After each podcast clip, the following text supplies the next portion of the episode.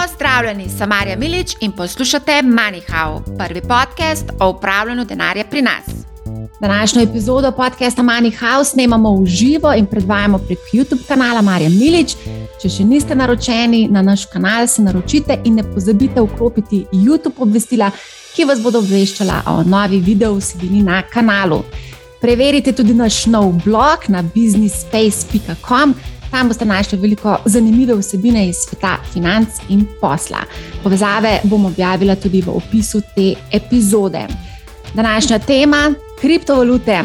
Sem v družbi štirih odličnih poznavalcev kapitalskega in kriptotrga. Z menoj so Matej Tomažin, ki je izvršni direktor kriptopodjetja Economy. Z Matajem smo že posnela eno kripto epizodo, vabim vas, da ji prisluhnete. Z menoj je tudi Primoš Kordež, ustanovitelj in direktor blog analitike, ki se ukvarja z analitiko podatkov za namene upravljanja tveganj. To je v kriptosvetu kar dobro poznati. Z nami je tudi Andraš Grahak, partner v podjetju Capital Genetics in moj sonavigator v odprtem ekosistemu znanja Business Space, in pa Ivan Kranjec, odvetnik in davčni strokovnjak v podjetju CMS. Ivan pa je tudi predavatelj na fakulteti za management in pravo. Zdravo sem. Živijo. Živijo, živijo.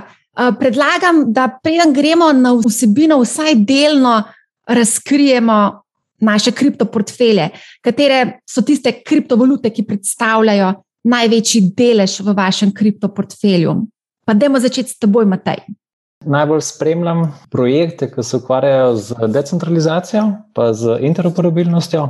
In znotraj teh projektov, v bistvu, zdaj trenutno najbolj spremljam v bistvu ekosistem Kozmosa in Terre Lune. Tako da v bistvu to je pa tudi put your money where your mouth is, tako da v tem kontekstu je to. to. Kar je čist isti odgovor, kot pa, ki so ga imeli pogovor spomladi. Res je. Primaš. Ja, glede na to, da mi v bistvu se ukvarjamo z analitiko na Ethereumu, je logično, da je Ethereum primarno, Bitcoin, seveda, potem pa preostal del, pa DeFi tokeni, to se pravi Decentralized Finance tokeni, večji del pa v bistvu dolari, kriptodolari, zaradi pač donosov yield farminga. Mojmo, kaj o tem govorili še. Bomo, bomo brez skrbi, Ivan. Jaz bom rekel, da nimam kriptoportfelja, s katerim bi služil ali pa kakšne velike donose delal. Pravzaprav sem registriran na um, dveh borzah, več ali manj zaradi tega, da vidim, kako procesi potekajo, kakšne so zahteve, kakšne so podatke, do katerih lahko dostopaš, ne, ker pač ne poznaš tega, o čemer govoriš, tudi bolj slabo lahko svetuješ o teh stvarih drugim ljudem od tega, kar imam naloženega, oziroma za namene testinga, kot kar drugega, karkoli drugega. No, um, imam pa v nekaj malega v jetrih, pa še malo manjšega v Kardanu tu. Uh mhm. -huh. Andraž? Trenutno nimam kriptoholdingov, ampak sem pa srečni lastnik delnic Coinbase, ki sem jih kupil pred kratkim. Tako da spremljam mogoče z drugega konca, predvsem z tega, koliko se monetizira. Rekel sam kriptoekosistem in kaj to prenaša reguliranim subjektom. Tako da v bistvu sem na moču prstu vodo, pa bomo videli, kako bo tole šlo. Mogoče lahko še jaz razkrijem. Jaz imam um, Ether, imam uh, Solano, imam tudi Bitcoin, predvsej sem zmanjšala izpostavljenost do Bitcoina, to moram priznati, in pa še kar nekaj drugih imam kriptovalut, ki pa ne predstavljajo nekega pomembnega odstotka v portfelju. Na kriptotrgu nikoli ni dolg čas, zadnje čase, ko se dogajajo precejšnja nihanja po 10 odstotkov na vzdolj, na vzgor in to dnevno. Na našem Discordu, Discord kanalu MoneyHow povezava je tudi objavljena spodaj v opisu te epizode.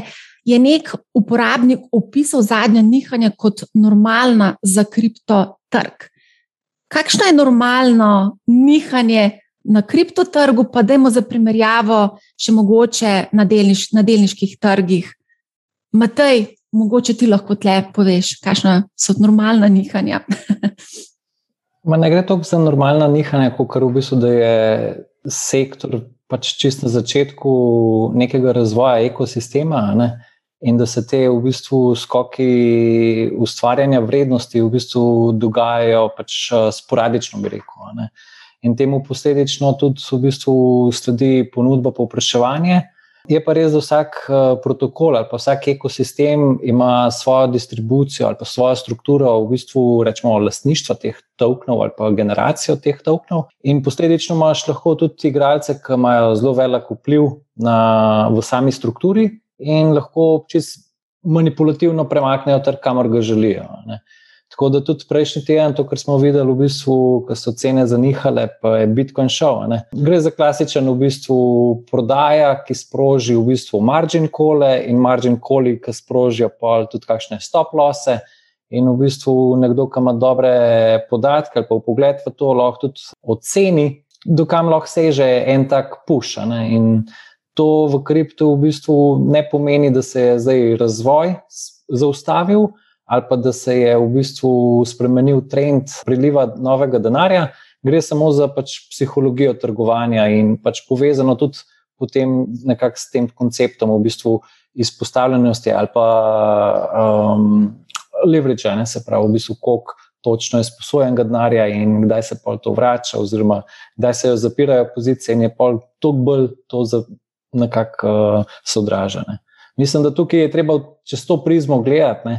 Pa posebej tudi to, ker je dan danes v bistvu uporabnik kripta ali pa rečemo tisti, ki trguje s kriptom, njemu je zelo enostavno podvojiti pozicijo v smislu, da si sposodi denar, pa začne v bistvu iz samega investiranja preide že malo v špekuliranje ali pa v rečemo gambling. Ne? Ker je to pač v človeški naravi. Bolj, ker to enostavno narediš, bolj bomo videli v bistvu oscilacije in gor in navzdol. Ne. In ta del v bistvu kripto zelo dobro pač, uh, prezentira. Mogoče, Primoš, ti tudi prihajaš iz borznega sveta, si tudi nekdani upravljalec premoženja, ki si presedlal v kriptosvetne. Mogoče lahko potegneš kakšne paralele med kriptosvetom in pa borzo, klasično del, delniškimi trgi. Je kakšna korelacija? S korelacijo tako. Korelacija je načeloma zelo, zelo nizka. Mislim, da na zadnje, ki se je merila, smo mi merili z SP-om, je bila ni cela dva. Plusa, potem je bilo nula, potem je bilo negativno, oscilira. Ampak to je zares zelo odvisno v kakšnem stadiju uh, so tudi tradicionalni trgi. Zdaj je bil sicer že nekaj časa v bistvu bolj ran na tradicionalnih in isto na kriptu. Korelacija je še vedno zelo nizka. Zares korelacija se pokaže samo takrat, kadar pride do njega upada, kot je bil marc 2020 ali pa recimo jesen lansko leto takrat se bo kaže, da, da kripto podobno odreagira. Kakšna je pa tako dnevna volatilnost kripta, recimo Etra, Bitcoina, pa čist za primerjavo, mi to dosmerimo, zato ker na tej platformi pač se ukvarjamo s tveganji in moramo to spremljati. Etra, recimo, dnevna volatilnost je tam med petimi in desetimi odstotki. To je, to je v bistvu ogromen. Zdaj ne vem, koliko je za neko klasično delnico, verjetno manj kot odstotek, kaj jaz vem ali za SP, verjetno, definitivno manj. In to je tako, ne? letna volatilnost preračunana je čez 100 odstotkov. Tako da te, te dropi so lahko kar močni in ni. Mislim, če z klasičnih trgov je to, to ne navaden. Ta let, recimo, mi predvsem gledamo te, rečem, se max drawdown, pač največji upadec intraday. Za Ether se je zgodil, mislim, da je bilo maja 19. je padel za 45 odstotkov znotraj dneva, to govorimo ne vem, o nekih šestih urah. Ne. To je mal ne navaden.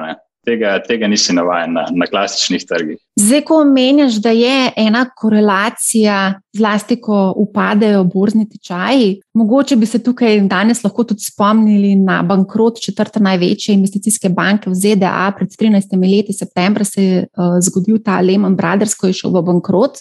Vse glasnejši pa so recimo na, tudi pesimisti in opozarjajo, da prihaja zlom, da nima legendarni. Michael Burry, po katerem so posneli tudi film The Big Short. Vsem priporočam, da si pogledate ta film. Celo napoveduje, da lahko delniški tečaji upadejo za 90 odstotkov. Kaj to pomeni pol za kriptotrge? Kdorkoli. Ja, moj tek je v bistvu, da je stvar zmeraj stvar likvidnosti. Ne? To, kar smo videli pred 13 leti, ko se je zgodil ta šok, v bistvu tudi tiste najbolj stabilne naložbe niso imele povpraševanja, ker so se vsi parili za dolarje ali pa evre. In pol je cena pač drugega pomena. Tudi, naprimer, sem, če pogledaš nepremičnine v Ameriki, so takrat v bistvu padle na res pač zelo smešne nivoje. In te fire sale, brez povpraševanja, v bistvu veljajo samo kratek čas. Ne. Zdaj, ti taki dogodki so možni, ne moreš jih izključiti, ne. je pa sklopne. To je tako, kot da bi rekel, v bistvu, takrat, ko boš imel najbolj prometno ulico, ko se bo začel vem, potres, bodo vsi zaustavili, pa se, takrat pa ne bo več prometna ulica, ne. takrat bo vse mirovalne. Pa se lahko pač razglabljamo o tem, ja, kako to do, pride do tega, da vsi mirujejo. Ne. Tako da isto je velja borza. Se pravi, borza je pač ponudbo povpraševanje, ko pride ta potres, je lahko strani povpraševanja, če nimaš nekih rekel, vnaprej postavljenih naročil, pač lahko. Normalno je, da v bistvu vlagatelji kar počakajo, da se pač opazi ali pa vidi, kaj točno je v zadnje, in potem šele nastopajo previdno. Ne. Tudi človeška psihologija je, da lažje kupuješ v zeleni barvi, kot pa v rdeči. Čeprav tudi Warren Buffett ne, govori o tem, da je treba kupovati takrat, ko je vse strah. Ne pa prodajati takrat, ko so vsi veseli. Ampak to je psihološko zelo težko, to, ker v bistvu takrat, ko je negativno, je dvomov tako velik, da v bistvu moraš vedeti, zakaj kupuješ. Veliko krat slišimo, da imamo kriptobalon oziroma balone, tudi v zadnjem času se pogosto o tem govori. Mogoče predlagam, da si pogledate CryptoBubbles spletno stran, ki interaktivno prikazuje balone na kriptotrgu, tako zelo zanimiva spletna stran. No, v glavnem, številni kriptovlagatelji pa tudi nas opozarjajo, da se pretirava z uporabo besede balon na kriptotrgu.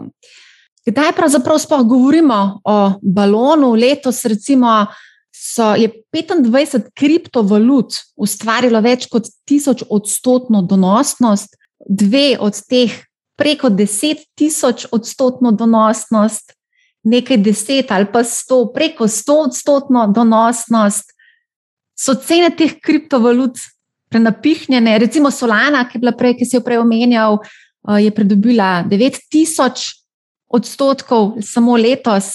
Kaj je v bistvu definicija balona, če lahko nekdo pojasni? Andraš, da ti mogoče povej.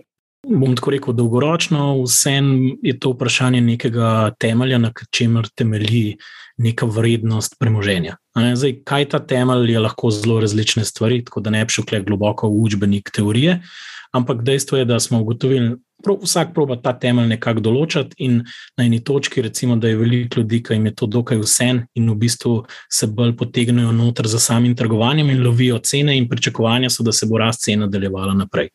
In to vodi v to, da se cena toliko daleč oddalji od teh temeljev, da je nujno, da se v nekem srednjeročnem, ponavadi, včasih tudi malo bolj dolgoročnem postopku, ta cena približa nekemu temelju. Vem, recimo, jaz mislim, da v tem trenutku lahko mirno rečemo, da pri določenih čejnih, kot jih jaz gledam, bi lahko rekli, da so v balonu v tem smislu, da se bistveno manj danes dogaja, ali pa se bo lahko dogajalo čez en let, kot se dogaja pri trgovanju. Zdaj pa, kateri so, pa prepuščam vam, da se vprašate, kje so temelji, pa kje so cene.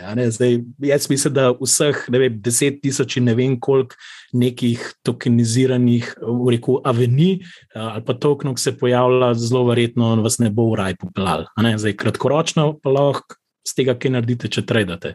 Tako da, kriptobubbles, ne vem, pač treba je najti neko svojo logiko, zakaj se nekaj kupuje. Tudi jaz, recimo, mogoče lahko pojasnim. Ne? Zdaj, če bi gledali, ne vem, Coinbase-ovo delnico, če bo ustvarjal take dobičke, ki so tam bili zadnjih šest mesecev, pol je delnica definitivno izjemno pocen. Če se pa zgodi, da jih pač ne bo več, potem je pa izjemno draga in to je ta, ta riziko danes. In mislim, da danes smo zelo močno pod vtisom tega, kako danes ekonomika deluje v kriptosvetu in kako se da zaslužiti. Ni nujno, da bodo taki pogoji vedno, tako kot pri vsaki neki tehnologiji in dejavnosti, ki v bistvu je, bom tako rekel, v nastajanju.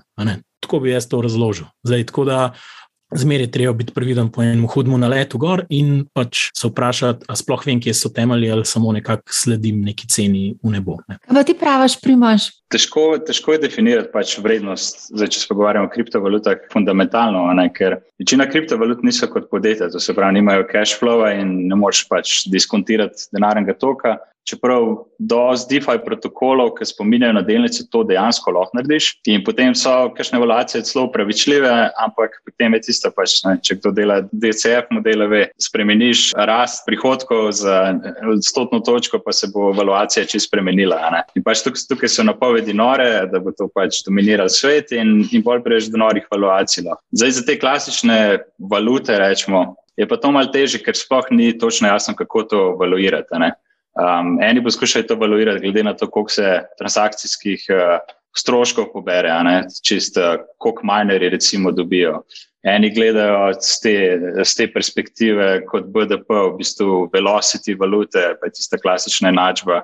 Ampak tako ni še, ni še konsenza in noben ne zna tega zares evaluirati. Tako da na koncu pač vrednost določena čist na podlagi, na podlagi hajpa špekulacij, da to enkrat bo uporabno da bo pač popraševanje za tem, ampak več kot to pa, več kot to pa zares nima nobeno. Tako da, aj balon, ni balon, pač to je mlada industrija, ki gre v ciklu. Pač visoke evaluacije in pade, in spet visoke evaluacije. In težko je, težko je evaluirati, resno. Lahko malo challengem, primoš. Kaj pa v bistvu kakšni tehnični indikatorji prenakupljenosti, preprodanosti ali pa kakšni, vem, drugi kazalci, da je neki na zgornjem koncu pregretosti mislim, čisto mogoče kratkoročno gledano z stališča trgovanja. Ja, mislim, eno so to čisto tehnične analize, ampak to ti, to ti mogoče delno pomaga. Jaz nisem nek believer v tehnične analize.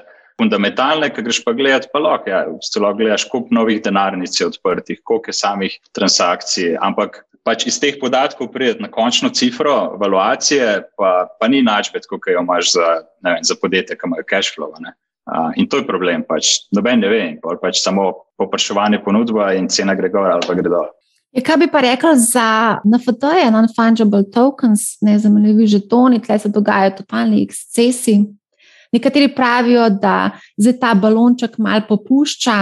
Ne vem, ali to drži ali ne drži. Tle se tako hitro dogajajo te spremembe, da danes je balon, jutri ni balon. Ja, NFT sploh, NFT sploh še ni imel. Um, rečemo temu, bear cycle. Začel se je drugače leta nazaj, ampak ta let, recimo, na, že malo pred koncem leta, na prepoznavnosti dobil neko zanimanje, neki uh, pop stari in tako naprej, so to začeli to uporabljati in, in, in se haj pospostavil. Zdaj, kako pa to valuirati, to pa, to pa sploh ne je mogoče valuirati, res. Um, ne vem, ker to je enačiti z nekim umetninam, pa redkim zadevam, skoraj ne mogoče. So neke zadeve, ki imajo neko kulturno težo v tem kriptosvetu, da je to kratko in da ima neko zgodovino, ne, da si ljudje si, predla, si to razlagajo, da je to kot neka monaliza kripta, ne, recimo kriptopanksi, ki so bili prvi. Ampak zdaj, kako vrednost temu določiti, to je, to je nemogoče. Ne. Tukaj, tukaj sploh ne vem. A si ti morda lastiška še na FT? Uh, ne, ne. Pa metaj ti? Ne, v bistvu spremljam sem, pa gledam, pač skušam razumeti to nastajanje tega metaversa v bistvu. Zdaj pač jaz bi rekel, vse tukaj je logika ponudbe povpraševanja. Dokler je pač denarja tok, eh, da ga se da tudi za take namene, ne, bo imelo neko ceno, takrat, ko se bo umaknil, povpraševanje bo padalo in se bodo spet cikli naredili. Ne. Je pa zanimivo videti v bistvu vse te NFT-je, ki so bili aktualni, ali pa te, ki so bili pač malo bolj izpostavljeni, ne, kako so šli institucionalni vlagatelji noter, pa kupovali v bistvu velike količine, pa postavljali neko minimalno, ko reku, novo minimalno ceno. In pol v bistvu prek socialnih omrežij začeli propagirati ali pa predstavljati, da ja, mi smo kupili, mi smo to, ne, in delati ta hype. Je pa to siguren trend, Sej, na, na vse zadnje v bistvu je malo bolj transparenten v kontekstu ukor pa pač zaprt, rečemo, krok uh, za monolizo. Ne. Tam so bili samo v bistvu umetniški, rečemo, investitorji na unih dražbah, uh, ni vsak prišel, v bistvu vedel si samo post-festom, v bistvu. medtem ko tukaj imaš pa v bistvu ne, marketplace javne, cene so javne. Pač pozabljamo, da, da tukaj imamo nekaj, kar se na globalni ravni trguje. Se pravi, to je standardiziran, pač rečemo, produkt ki je lahko dostopen in v Aziji, in v Afriki, in v Ameriki, in v Evropi. Ne. In ta globalen efekt je zelo, zelo močen in mi, mislim, da ga še zmeraj pač ne razumemo najbolj. Ne. Tudi v številkah, Pač v kripto svetu kaj, imamo 100 milijonov ali pa 150 milijonov aktivnih udeležencev.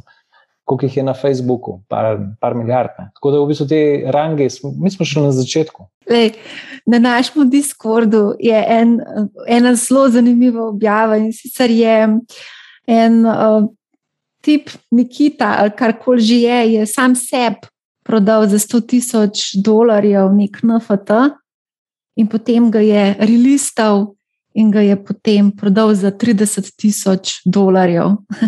Se pravi, najprej šlo za fiktivno prodajo, potem pa je dejansko prodal za 30 tisoč dolarjev in človek, ki je na drugi strani bil kupec, ne, je bil zelo zadovoljen, da je za 70% off kupil na FT. No, to je samo en tak primer, tak zanimiv primer, ne, kaj se dogaja lahko tudi na kriptotrgu. A gremo mogoče nazaj na tisto, kar smo se prej pogovarjali o teh nekih kazalnikih. Mi dva z Matajem Šimnicem sva ravno za blog eh, na Business Spaceu eh, pisala o kazalnikih vrednoten, vrednotenja, ki jih najpogosteje uporabljamo pri ocenjevanju smiselnosti investiranja v delnice. In potem sem se vprašala, kaj pa tukaj pride v poštev pri kriptovalutah. Na trgu je skoraj 12 tisoč kriptovalut in žetonov.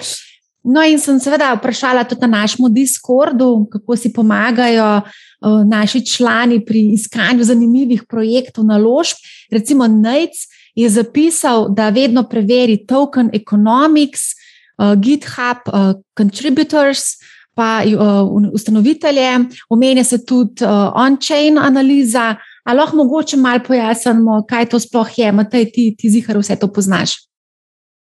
Ja, zdaj, te karakteristike so v bistvu rečemo splošne. Jaz bi mogoče analogijo vlekel v rečemo karvanski predor. Ne.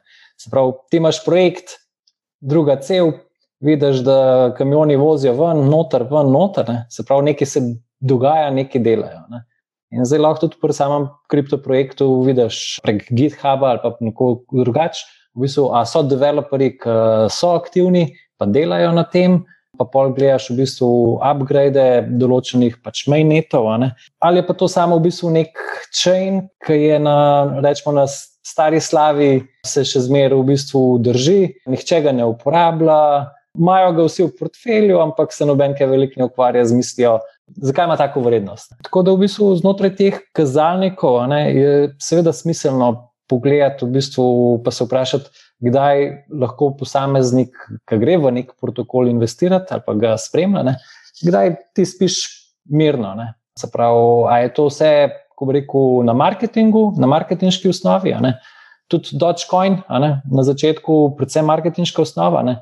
Zdaj, če bodo veliko v bistvu delali na tem, da bodo dali določen use case zraven, se zna pač spremeniti. Ne. Se pravi, te stvari so dinamične, niso statične.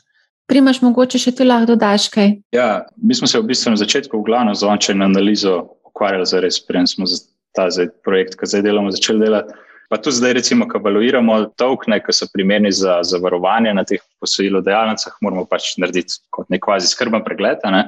In, in ja, te stvari se gledajo. V bistvu, ena stran je samo development, to se pravi, kakšni so GitHub, koliko je GitHub, komitov, koliko je developerjev, to se zares vse vidi Ampak to včasih tudi malo zavaja, ne? ker so neki projekti, ki so ne vem, noro advanced in, in imajo noro, noro razvoj, ampak to ti nič ne pomaga, če ti nimaš uporabnikov. Tako da jaz, jaz se v osnovi bolj na uporabnike fokusiram. Uporabnike pa meriš lahko na več načinov. Eno je, da gledaš, koliko transakcij se s dotičnim protokolom oziroma chainom izvaja, koliko različnih walletov to izvaja, ker v osnovi lahko ne, ena oseba to dela.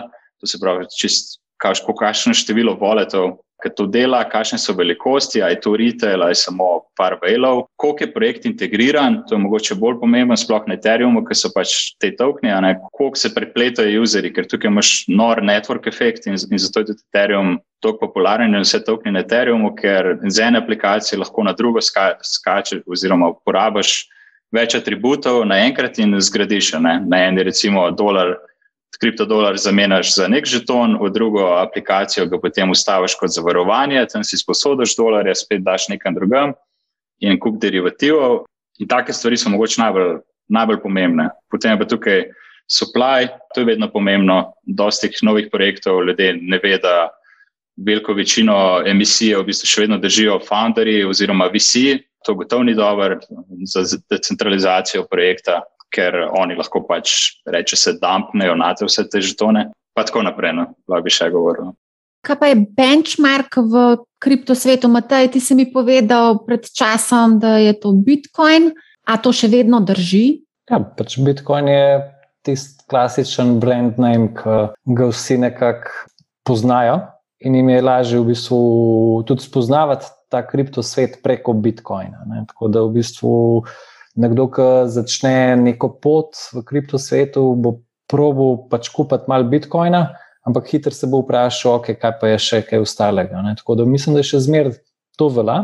Ostali benchmarki so pa zelo odvisni od, rečemo, nišno, ne, se pravi, a greš ti v posamezne nišne projekte, ki predstavljajo določeno vrsto, rečemo, usmeritve razvoja ne, ali pa protokolov, in pa znotraj tega pač lahko pogledaš. Ne. Se pravi, ali so to decentralizirane borze, ali so to v bistvu določeni farmingi, ali so to določene, v bistvu, ne vem, sam pač.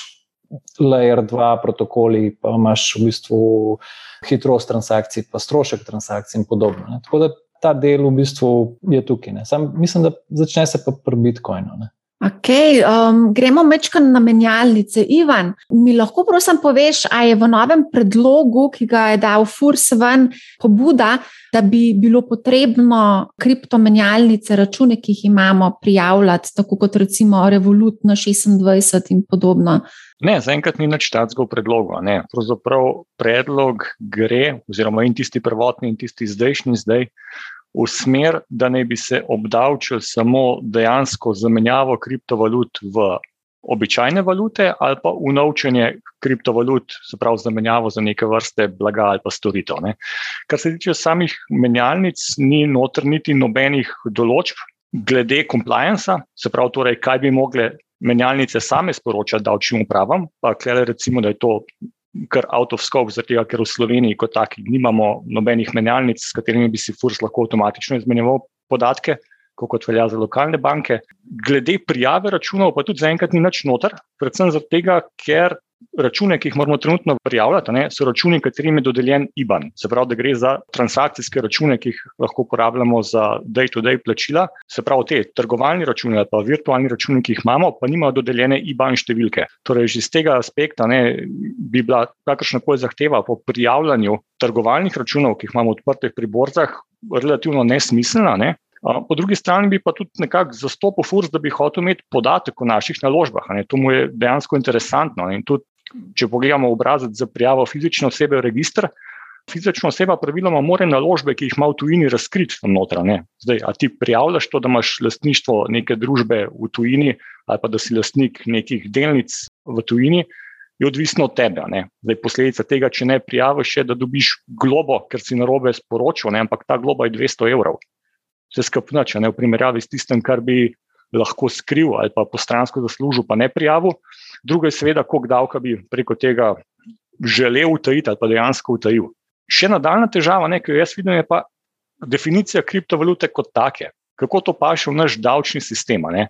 Kriptovaluta zaenkrat strani Fursa ni tretirana kot naložba. Ne? Kriptovaluta tudi ni valuta za namene obdavčitve kot take in pa za, za namene regulacije. Ampak jo Furs, vsaj z vidika fizičnih oseb, ki držijo kriptovalute, obravnava kot premičnino. Zdaj, iz tega ideja, ne, da pri fizičnih osebah, torej pri neko, navadnih smrtnikih, ki se s kriptotom ukvarjamo tako kot nekaj postranskega, se pravi, ne živimo na račun tega, nimamo dejavnosti.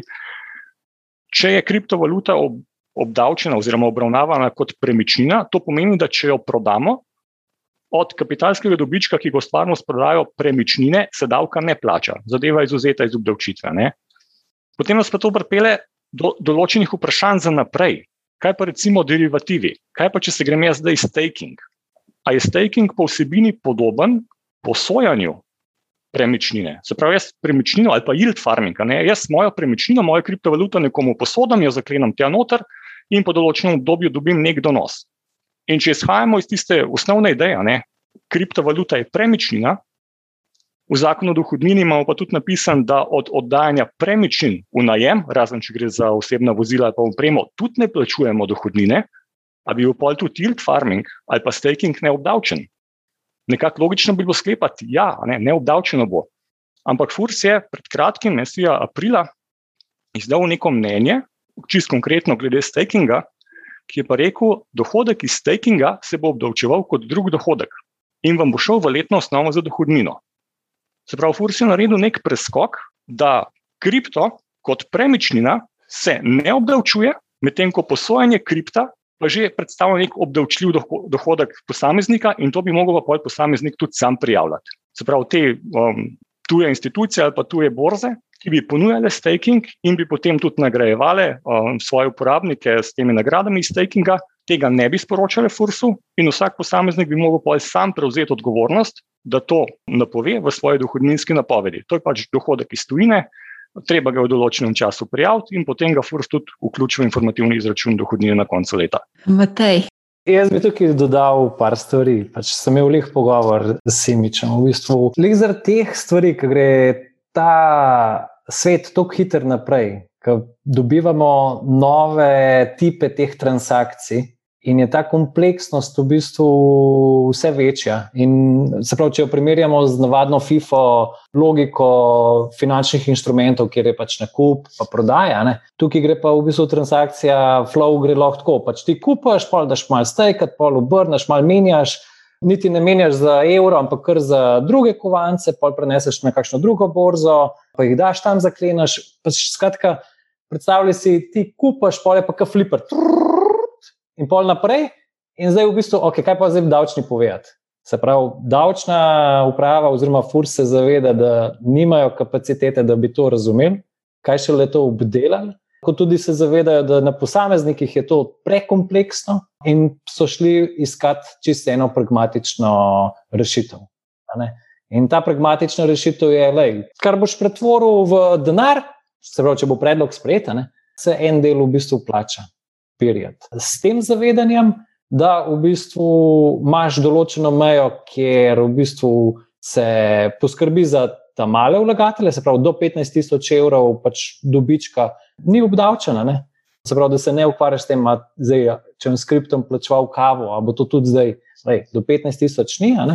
Plus, da imaš še možnost, v bistvu, če ti to predstavlja, vem, če si jih začel s kriptom, pa ti dobiček predstavlja 1% ali pa 2%, imaš možnost, v bistvu, da daš tam uh, davek na dobiček. Ne.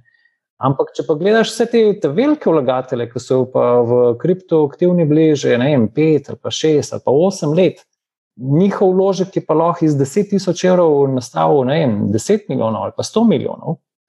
Je pa seveda v bistvu drugo, druga logika in tukaj gre čez zapareto razmišljanje. Ne. Se pravi, da se fokusiramo tam, kjer lahko konkreten denar poberemo, da ne bo tako izpadalo, kot je bilo davek na finančne inštrumente, ki je bilo zelo kompleksno, pa 40%, pa pol iztržka nula.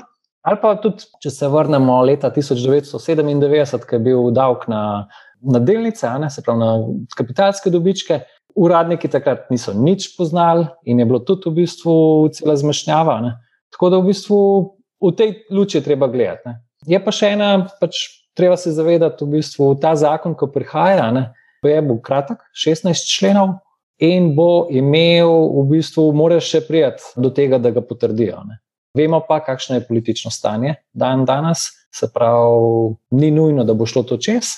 Se pa tudi zavedamo tega, da se zna zgoditi, če to letos ne bo sprejet, naslednje leto so volitve, pol je nova vlada in v bistvu se bo kar naenkrat v bistvu to sam podaljšal v leto ne, 2024, ker ne bo ker ta zakon, če bi, bi, bi za 22 začel veljati. Ampak, če gremo v to, v bistvu pa vemo, da smo za dve leti saj.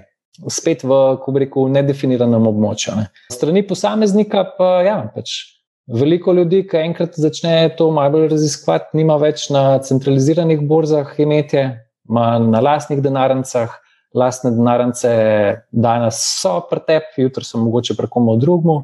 Kako je to dokazoval, je good luck. Ja, lej, sej, da bi bilo treba nekako stvari zregulirati, pa obdavčiti, mislim, da se to pravzaprav vsi strinjajo. Mislim, vsi se zavedajo tega, da do tega bo prišlo. Ne.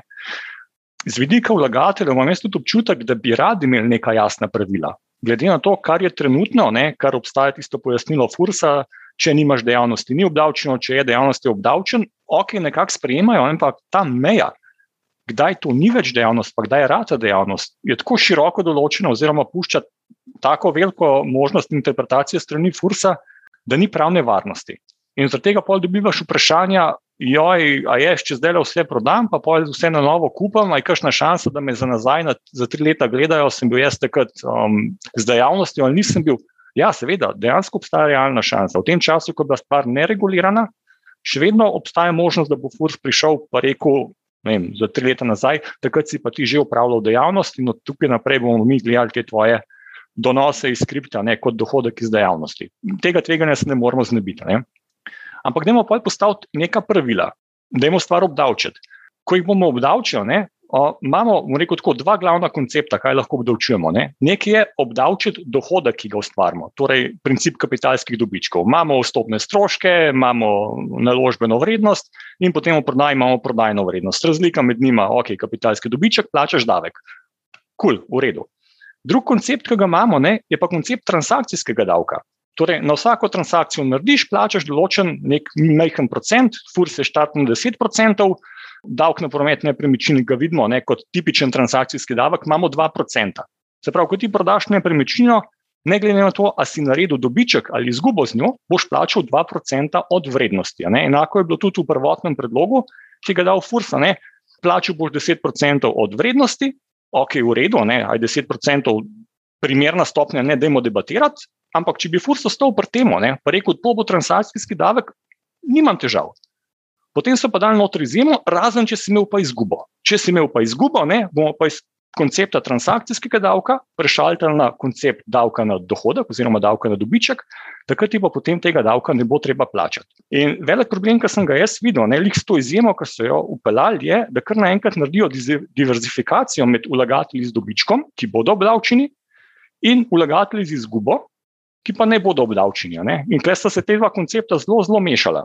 Potem smo naredili posodobljen predlog, kjer so stvar malo popravili pa so rekli, ok, pojmo zdaj mi iz ideje transakcijskega davka nazaj na koncept davka na dobiček. Če imaš izgubo, plačaš nič, če imaš dobiček, plačaš 25% na dobiček, ampak s poenostavitvijo, ne, še vedno pa lahko plačaš samo 10% kot transakcijski davek. Pa recimo, da je to dober predlog. Zdaj, a bojo te procenti ostali takšni, kot so, ali ne, stvar debate. Postavili smo tudi mejo, oziroma predlog je 15 tisoč evrov, ne bi bilo neobdavčenega. Super stvar za mehne vlagatelje, za take, ki delajo, ne? ampak že pri teh 15 tisočih imamo problema. Ne? Ali ta 15 tisoč zajema dobiček, ki smo ga naredili, ali zajema promet, ki smo ga naredili, če bi radi dali poenostavitev na 10%.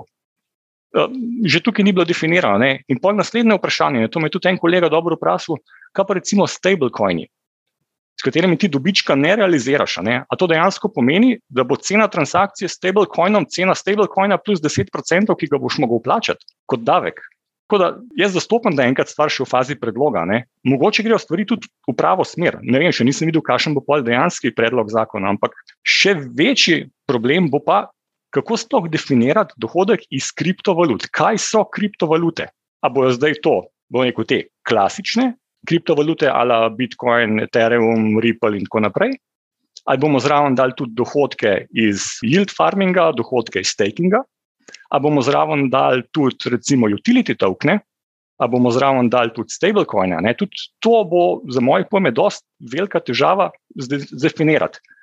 V vsakem primeru bo to stvar politične odločitve. Ne? Se pravi, tisto, kar bo nekdo rekel, tole bomo sprejeli, to bojo dali noter.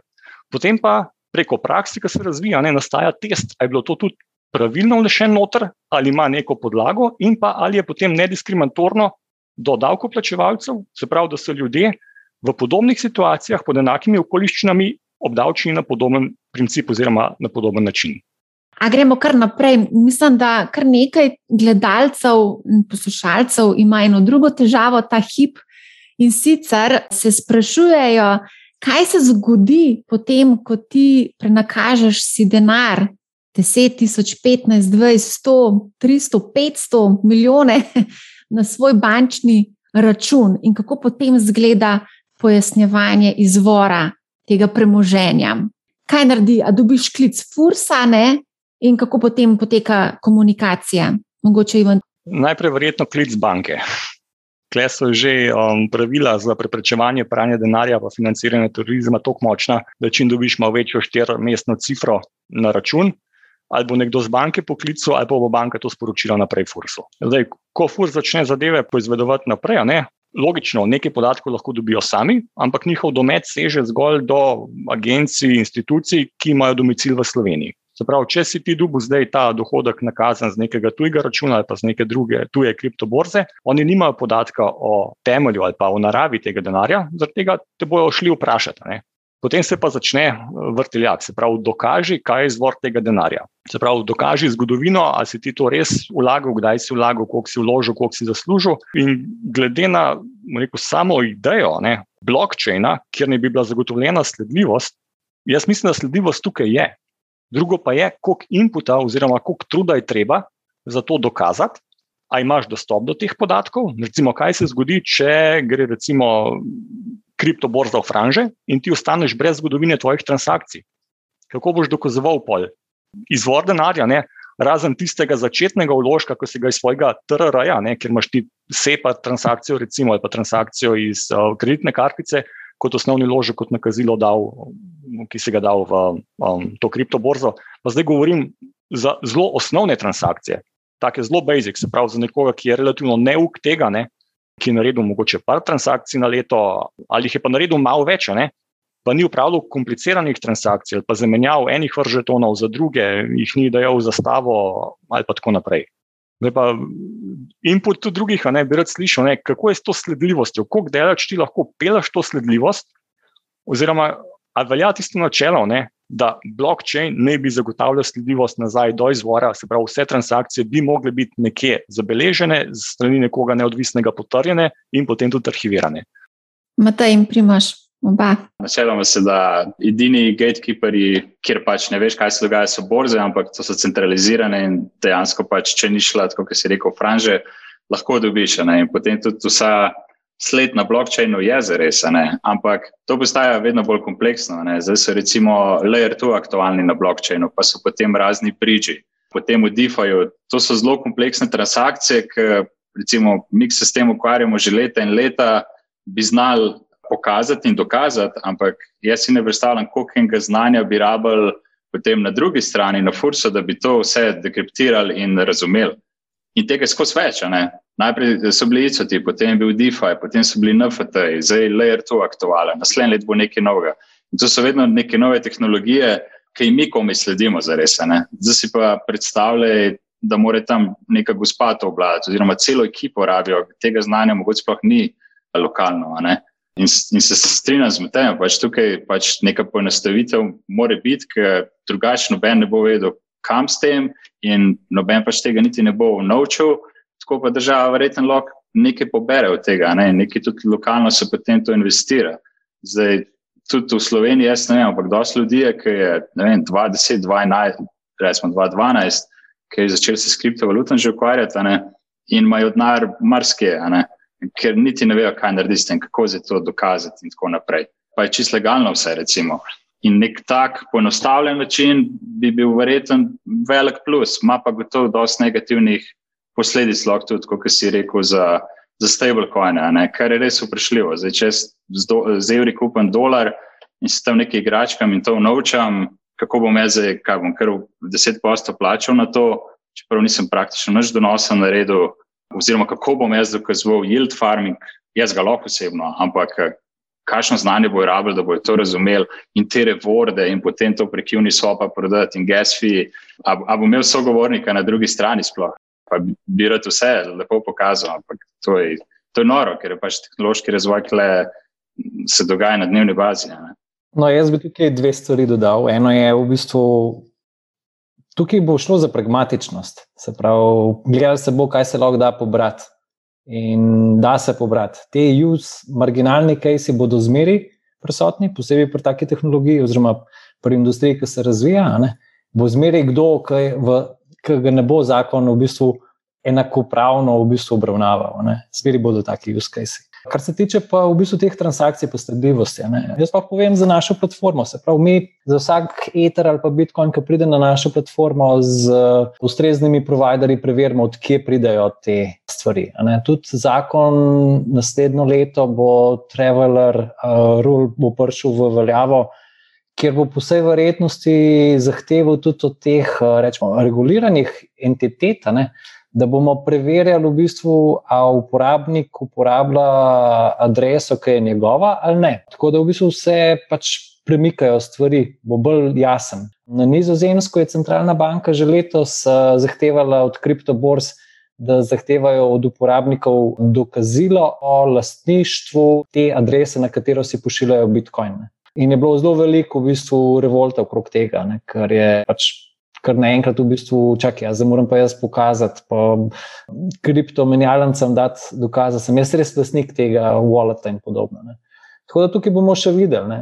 Je pa tako, če pa kdo hoče, v bistvu, da se zamegli, ne, Máš pa mislim, da cel kup nekih mikserjev, ki gre v bistvu Bitcoin lahko tja, pa pol pride ven, ali pa gre v staking, pa kaj drugega dobiš in se zgubi ta sledljivost. Ne? Lahko, ne? In v tem primeru pa naprimer vse te providerji, ki gledajo te transakcije, pač to upozorijo. Se pravi, da bi rekel, uh, Matej je dal en bitcoin na platformo, ampak ta bitcoin je šel, ne vem, je bil na Dexu, pa je že rdeče v farben, ker pač ne moreš zagotovo vedeti, v bistvu, uh, kaj in kako. Ne. In lahko v bistvu pride do tega, da ti v bistvu platforma tudi zavrne tak prenos. Ne. Ti reče, le, sorry, tukaj je, ne vemo, odkje si ti dobil ta bit. Tako da tukaj ta del preprečevanja pranja denarja pa spremljanja, gre zelo, zelo hitro naprej in sicer skrito v čem uporabnikov, ampak lahko povem iz izkušenj, to, kar mi imamo na backendu, v bistvu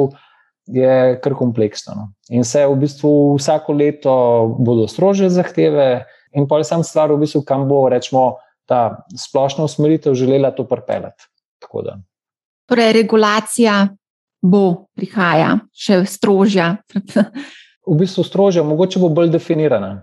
Zdaj vemo vsaj pač ta trend, kam gre. gre se pravi, če gledamo na EU ravni, lahko gledamo MICO regulacijo. Ne? Tam je zapisan, kot da bo kripto definiran kot finančni inštrument. Vidimo v Ameriki, je tudi pač regulator rekel, po vsej verjetnosti je veliko kripto, kar security. In, uh, to bomo mi malo raziskali. Samo mnenje.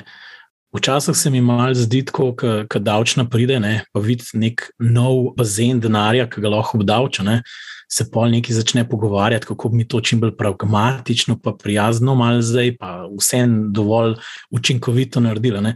Ampak sej motiv v bistvu investiranja v kakršne koli naložbe je zelo podoben, zdaj kripto, zdaj to delnice. Zakaj pa polno odpremo in rečemo, da je isto narediti za vse? Registriraj si nek pool denarja, prijav ga davčni, noti je tok denarja, kupice skozi x let, in v bistvu, če si znotraj tega vrče volne in je registriran v neki jurisdikciji, so pa neke konsekvence. Zdaj, a boš ti plačal na, na porabi, ali boš, ne vem, banalno nek davek na premoženje, ne vem, neki plačal skozi čas, kao, kot nek fi, odvisen na kaj. To bilo fajn, da je isto. Ker, ne, to, mislim, vse te razumem, Matej, ful je kompleksen, zdaj rečemo, ker vse avtomatično laufa in se tako hitro razlijajo stvari. In marsikdo sploh ne ve, kam grejo vsi ti tokni in kam, kam pol grejo in pridejo nazaj, in vse, sploh pri stakingu, yield farmingu in itd. Ampak, kaj pa če sem jaz zdaj klient trader, pa naredim 200 tradov, jaz moram vsem fursu poročati. Jaz bi tudi raje imel tako, da mal, tako po 20 letih en meni reče, da je samo 10% od tega, pa nič ni treba tja poročati. Ja, veš, to, to bi bilo ful dobro. Veš, pa leverage tudi klej uporabljam, pa me pa še zabavajo, ko imam izvedene za vem, 40% davek, pa leverage vemo, da je v kriptu to, kar ga hočeš, ga najdeš. Tako da jaz bi to kar dal, če hočemo res simpel narediti, dajmo res narediti kot one melting pot, da imamo imeti koncept registriranih portfeljev zaradi mene in pojmo naprej. Ne bo vse kvazi security, kaj se zdaj klele, gremo toliko krek teh definicij in, in ne vem kaj. Pač samostojno se prijaviš not, jaz bom tradal z vsemi živimi stvarmi, sem aktiven. Dostavljam vam vsak let, kaj imam, to je moje premoženje, in vidite. In kaj porabim, je ali na porabo, ali pa če ne porabim, ne vem, bomo pa videli, komu to obdavča. Sprašvala sem naše člane na Discordu, kako služijo denar in koliko ga zaslužijo. in so povedali, da je 300 evrov tedensko, 400 evrov mesečno in tako dalje. In so potem tudi povedali, da ga zaslužijo predvsem s tekanjem in yield farmanjem. Ne? To je zelo postalo aktualno tudi med malimi vlagatelji, da stekajo pa farmajo. Tako da mogoče, če lahko primoš ti pojasniš, kakšna je bistvena razlika med stekingom in farmingom za tiste, ki mogoče to sploh ne poznajo. Staking je bolj aktualen na nekih proof of stake blockchainih. Tezo se en primer, pa, pa cel kupi še je, v bistvu, ker ti svojo valuto zakleneš, v bistvu umakneš jo iz supply, ne cirkulira več na trgu, kar ima v bistvu zelo pozitiven efekt na samo ceno, ponovadi. In te v bistvu za to nagradijo, ampak kaj je poanta, da ti stekaš, da daš neko, reče se temu, validatorsko ali governance moč, v bistvu prispevaš s tem, da stekaš.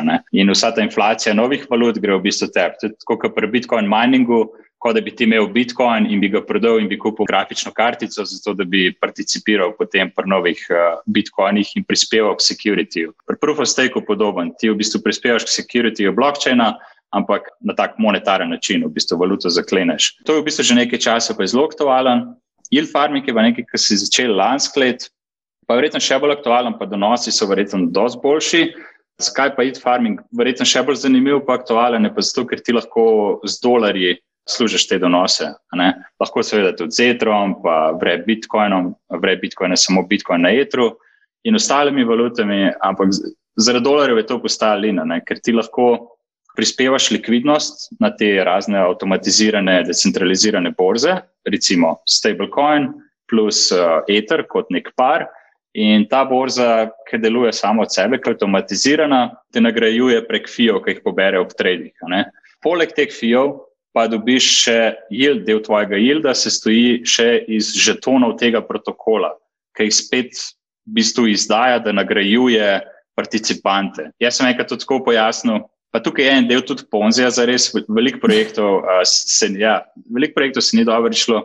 To je v bistvu tako, da bi ti, ne vem, v neki lokalni pekarni, bi ti rekli, če boš pa pri nas kupil kruh, ti bomo pa dal en majhen delež uh, lastništva naše delnice. Vsak dan bomo mal lastništvo v bistvu dajali našim konzumerjem. Ali pa ne samo konzumerjem, rečemo deležnikom tega projekta. In potem si ti nagrajen, in seveda ti moš to tudi naučiti, da priješ nazaj v dolarje, da si recimo zaščiten. In ja, zakaj sem rekel ponzi, ker, ker to se na dolgi rok ne, ne uh, obnese. Ne?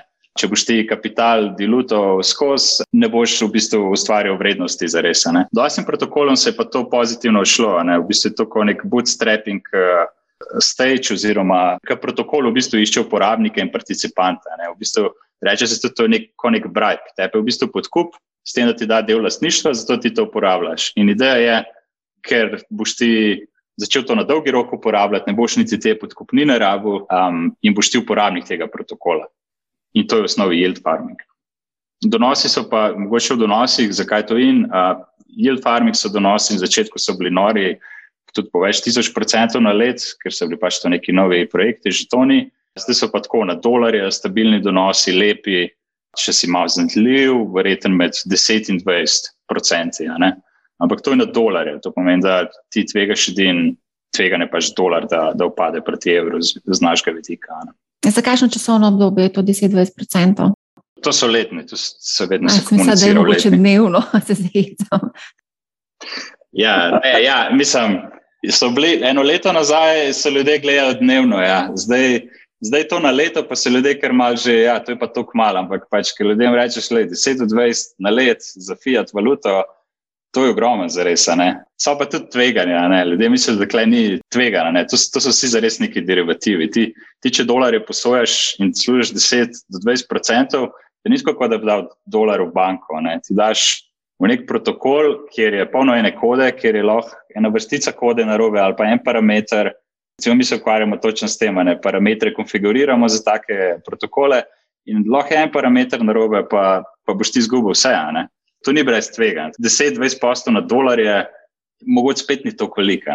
Zdaj pa, če pa poznaš ekosistem, je, je pa to zelo lep donos, ker so platforme, ki že dve leti delujejo in nekako je manj tvegano, da bo ne vem, propadla jutra. Ja, se pravi, te DeFi, decentralizirane finance, v bistvu nekako izzivajo banke. Kako bi rekel temu, Celsius Network ima celo slogan Unbank yourself. In ponuja gotovinska posojila zavarovana s kriptom, ki imajo obrestno mero višine enega odstotka. Kaj praviš na to? Ne, jaz mislim, da je tako malo. Ne, ne izzivajo bank za res, no, po mojem. To je tako, samo neka alternativa, nov, nov naložben razred, rečemo temu. Pač banke preprosto ne ponujajo, da boš ti dal Bitcoin v zavarovanje, pa dolarje si sposodil, pa potem s temi dolarji nekaj počel. Pač tega banke ne ponujajo in DeFi to ponuja. In, in to je samo nov derivativ, nov naložben razred, ki se je pojavil. Zdaj, da to izziva banke, verjetno na nek način, ja, ker veliko dolarjev, ker ni donosov, se sel v DeFi ampak ima pa čist drug risk profil, rečemo temu, in, in je nekaj novega in pač je dober, Mislim, izziva na ta način. Da bi pa rekel, da pa, da pa izziva banke vem, na tem, ki se posojila zares generirajo, ne, ne premičninska in podobno, tam pa ne. Mogoče enkrat bo, pa že tega še ni prišlo, ampak gre bolj za digitalne finance, rečemo temu, no, čisto druge obliki, kar se zdaj dogaja. Zdaj imamo stekanje, farmanje, potem imamo 11 tisoč eh, kriptovalut, 400 vem, menjalnic. Ne. Tako sem se jaz pogovarjala z vlagatelji, imajo vem, po par uh, menjalnic, vem, 3, 4, 5, pa cel kup nekih naložb. Zdi se mi, ko se z njim pogovarjam, da imajo pravo srače gnezdo naložb. Koliko lahko imamo teh naložb, da obvladamo ta naš portfelj? A to sploh se kdo vpraša? ali je to kar tako malo mečemo, pa kar, mogoče se nam pa v serije pa ne vem, obogatimo z eno naložbo ali dvema. Matej, da ti si povedal, da če veš, kva kupuješ, pa ne rabiš razpršene košarice, ampak sam kupuješ tisto, kar misliš, da je najboljša naložba. Ja, še zmeraj to drži. Ne? V bistvu, tu, glede na to, koliko je novih zgodbic z ustreznim ali pa neustreznim zadjem, je tudi to kupanje po hitrih zaslužkih. Ne? Zato je razumljivo, da ljudje, ki se rečemo. Prvič spustijo, pač vzamejo vse zga mal, ne pač probajo. Ne. Nekdo pa je lahko malo bolj, ko bi rekel, želi se poglobiti v določene ekosisteme, ne, pa bo namenil več časa razumevanju in predvidevanju posameznih protokolov, in bo pol temu ustrezno, po vsej verjetnosti, tudi se pozicioniral. Jaz bi mogoče za decentralizirane finance dal še en pogled, eh, ki se meni zdi zelo zanimiv ali pa ključen. In sicer jaz jih vidim to kot novi gradniki novih, novih financ. In te gradniki, se pravi, te digitalne rešitve, se bodo začele inkorporirati tudi strani tradicionalnih finančnih institucij. Ne. Zamaskirano bo to pomenilo, v bistvu, da bo NLB ti bo v svoji ponudbi ponudila, ne vem, lahko tudi produkt, ki bo temeljil na stakingu ali pa sam Bitcoin nakup ali kaj podobnega. Ne. Ta konvergenca se dogaja, oziroma se bo dogajala. Ko bo regulirano posamezno področje, več tega bomo videli. Ne. Vse pa banke že danes, v bistvu, po vsej verjetnosti, se sprašujejo, ker to je pa v bistvu vse sprašujejo, kaj jih čaka. Ker to, kar se zdaj z inovativnostjo dogaja, sicer na mehkem skopu, to jih bo lahko bolelo. Um, kar imajo oni, še prednost, se pravi, tradicionalne finančne institucije, kar imajo prednost pred, rečemo, defijem, pa vsem tem. Je samo njihova distribucijska mreža, ne? se pravi, njihov dostop do množice strank. Ampak enkrat, ko se to začne prelivati, pa v bistvu bomo videli druge razmere. In takrat bodo določeni protokoli, ki bodo lahko uh, preživeli vsa ta nov promet, pa vse te nove stvari, bodo lahko zaživeli čisto v druge luči. Ne. To bo, v bistvu, bomo priča resničnemu kreiranju novih ekosistemov, tudi uh, kar se tiče v bistvu premoženja. Se pravi, to bodo, kot da bi rekel, na novo se bodo zgradile države to, to, to, to se dogaja ta trenutek. Ne. Zdaj, veliko protokolov je na nivoju v bistvu testiranja, pač, naprimer tudi Solana. Ne. Oni buildajo, testirajo, vidijo problem, ga rešijo in podobno. Ne. Ampak enkrat, ko bo v bistvu določena zrelost in uporaba teh protokolov, pa tudi na prekončnih uporabnikih, to, kar je Primoš rekel, ne, pa bomo videli to čist kot nekaj drugega. Ne. ne bo to samo inoviranje, pa bo to uporaba. In ta uporaba je lahko zelo široka. Ne. In takrat, ko bo pa to nastopil, bo tudi ta občutek skemov, ki se pojavlja pri vsaki industriji na začetku, ne, bo pač počasi izbledel. Ne. In danes, v bistvu, če ne drugega, jaz mislim, vložiti nekaj denarja v znanje, da saj spremljaš to, in tudi ti s tvojim podcastom to pač dobro delaš, da v bistvu se saj zavedaš, kaj se dogaja. Ne. Odlično, lepo, da si izpostavil Mani Hau, ti si bil tudi naš gost, kot sem povedala že na začetku. Zdaj, ko smo govorili o institucionalnih vlagateljih, pa dajmo še pogled, kakšen je njihov odnos do kripta. Mogoče, Andraš, ti tako študiraš konstantno, kaj počnejo, pa bi mogoče malo več povedal o tem. Ja, vsako noč, pozno v noč, s prstom na pulzu, tveganega kapitala, ali kako že točno. Mogoče samo dva podatka. No. Poglejmo si ameriški trg, ker mislim, da je vsem tukaj ta glavni narekovalec tempa, ne, kar se tiče tveganega kapitala. Letos je se zgodil za okrog 160 milijard nekih transakcij na področju tveganega kapitala. To vključuje tako angelske semenske runde, zgodna faza, pozna faza. Če pogledamo zdaj podatki Pitchbooka, so to. Letos v istem obdobju, kripto-related, to pomeni neki DeFi, neki so pač kriptoprojekti, je bilo okrog 12 milijard milijard. Ne? Torej, v bistvu manj kot 10% tega gre not, ampak rečemo 8% približno. In, ampak vse, če bi pa pogledali v celi tržni kapitalizaciji, pa celem flowu, to ni več toliko zanimljivo v tem smislu, da, da ni na nekem radarju kripto, da niso predvsem večje firme za upravljanje skladov tveganega kapitala to zaznale kot priložnost. Pač so določena imena, zelo, zelo znana imena iz sveta visi investiranja. Zdaj, če pogledamo mogoče te imena, ki niso znotraj kripta, ne, zagotovo, kle bi jaz rekel, da je ta najbolj upleten, po mojem mnenju, Andrews and Horowitz, kar se tiče teh različnih projektov, tudi v Solani je zelo močno upleten, pa tudi v določenih pač drugih projektih, da jih ne bomo vse naštevali. Je pa veliko tudi investitorjev znotraj kripta iz samega ekosistema, ki so zrastali iz njega ven. Recimo, en večjih investorjev v kriptoprojekte je Coinbase Ventures. Coinbase ima tudi svoj sklad uh, tveganega kapitala. Blih včeraj sem zbral, da bodo izdali komercialni zapis, po ne vem, en procent ali nekaj takega, milijardo pa pol svežega denarja, da bodo imeli ta smodnik, ne sod smodnika, toliko večji, da bodo lahko tudi uh, prevzemali, investirali, skozi prevzemajo manjše firme. Tako da tukaj se ogromno dogaja, kar se tiče tako direktnih investicij v pač podjetja, ki gradijo neke rešitve na blockchainu. Tudi kar se tiče exchangeov, smo imeli recimo FTX, je ena ogromna runda rezal, FTX je zdaj zelo bil tudi na našem Discord kanalu, ki je prišla ven reklama z Tom Brady, ampak Giselle Bündchen, mogoče kaj več o tem kasneje. Ampak recimo ne, oni so rezali na ogromno rundo. Pa imamo pa tudi, rekel, runde, kjer gre denar noter, delno v token, delno v development ekipo, se podpira. Drugač pa v bistvu tudi, ne vem, mogoče za tiste skripte tam ven, če gledal pa samo top US investors, kdo je na vrhu, je pa Polychain Capital. Zdaj, tisti, ki ste v kriptu, te več vedeli o tem. Se je pa zanimivo znajdla na seznamu petih, na petem mestu tudi Pantera, ki se jo boste mnogi spomnili kot zgodnega investitorja v Bitstampu. In je takrat vstopila in je nekako bila ta katalizator spremenjenega razvoja, mogoče malo bolj institucionalnega Bitstampa in je seveda tudi izstopila takrat ven uh, z Damjanom podelno Nejcem. Tako da drug konc, ki prihaja, so pa pač seveda bolj zreli pol projekti, kjer je pa že monetizacija se dogaja, ne, kot, kot recimo Coinbase je lep primer primer, ki se je uvrstil na borzo, pa zdaj ravno kar je v postopku vrščanja na borzi uh, družba Circle. Vsi poznate stablecoin USDC. Družba Circle je eden izmed dveh solastnikov družbe Center, ki je v zadju razvoja tega stablecoina, tako da itak se USDC pač načeloma povezuje zelo močno z Coinbaseom kot nekim native uh, stablecoinom ali pa nek, nekim stablecoinom, ki je zelo blizu tega ekosistema. Torej, ta družba naj bi se uvrstila na borzo, torej gre proti reguliranem svetu. Uh, rad bi povdaril, poudaril samo to, da neizogibno je, ko se pogovarjamo že o takih rundah, kot so vem, pol milijarde ali pa milijardo, tudi nekatere že sežejo.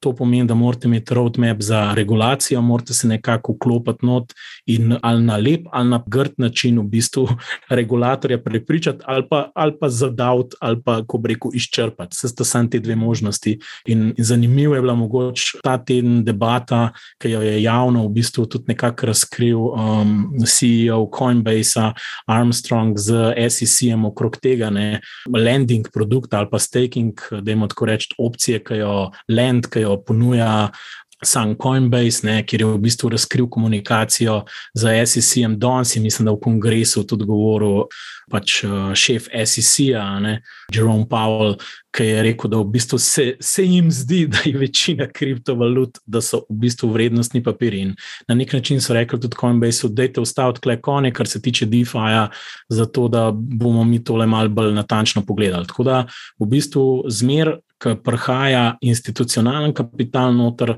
je zahteva po pravni varnosti, svet, svet je vse to relativno, danes smo veliko o tem govorili. In jaz bi rekel, da tiste države ali pa tista pravna okolja, kjer gre največ denarja, not je največ lobiranja glede zakonodaje. In to se je tudi zelo lepo videlo na ameriškem infrastrukturnem zakonu, ki smo ga gledali skozi avgust, ki so tako v enem treh amardmajih urinalno dobesedno neko kripto, bom tako rekel, uh, stipulacijo, kako naj bi se nekako poročali podatki in s tem odpirala tudi vrata za davke. Tako da narašča temperatura. Tle. Na eni strani je stvar prevelika, da jo ne pregorira, na drugi strani vsi hočejo imeti njihov košček klobase ali pa pogače ali kar koli hočete, in na drugi strani so pa tudi drugi, ki jim ni tako blazno všeč, da gre vse to rekel, da se na tak način to razvija. Evo, to je nekako povzetek tega, kaj se dogaja. Mogoče bi tukaj se vsem dotaknili še, da pač te pobude investicijskih bank bi rade ponujale razne kripto-ETF-e, ja, vezane bolj si na kriptovalute ali pa na indekse podjetij, ki se ukvarjajo recimo z blokčainom in sorodnimi tehnologijami. Kako pa je s tem? Kdaj bomo lahko povali to? Ja, mislim, da se je poklelo tudi Matej, po primoške več poveste. Jaz mislim, da je tam že v Balkansko, bi rekel, grupa građana dala svoje zahtevke na SEC, ki hoče v bistvu nekako dobiti dovoljenja za neko pasiven produkt, ETF, ki bo sledil pač ceni uh, glavnih kriptovalut. Zdaj tukaj je debata, ali imeti samo fizično replikacijo, torej imeti sklad, ki bo držal fizične kriptovalute, ali to delati prek derivativov, kar nekako SEC se mi zdi malo bolj puša, kot v bistvu, da, da, da ne prihaja denar še bolj v ta kot unutar, ker nimajo nadzora nad tem. To je ena stvar. Vse imamo že neke produkte, ki so bolj v bistvu nekih zaprtih skladov, ki temu sledijo, ni tako, da čist načni, če smo čist iskreni. Pa se pa dogaja tudi sledeče, da vidimo, da se klasični brokeri premikajo proti kriptu.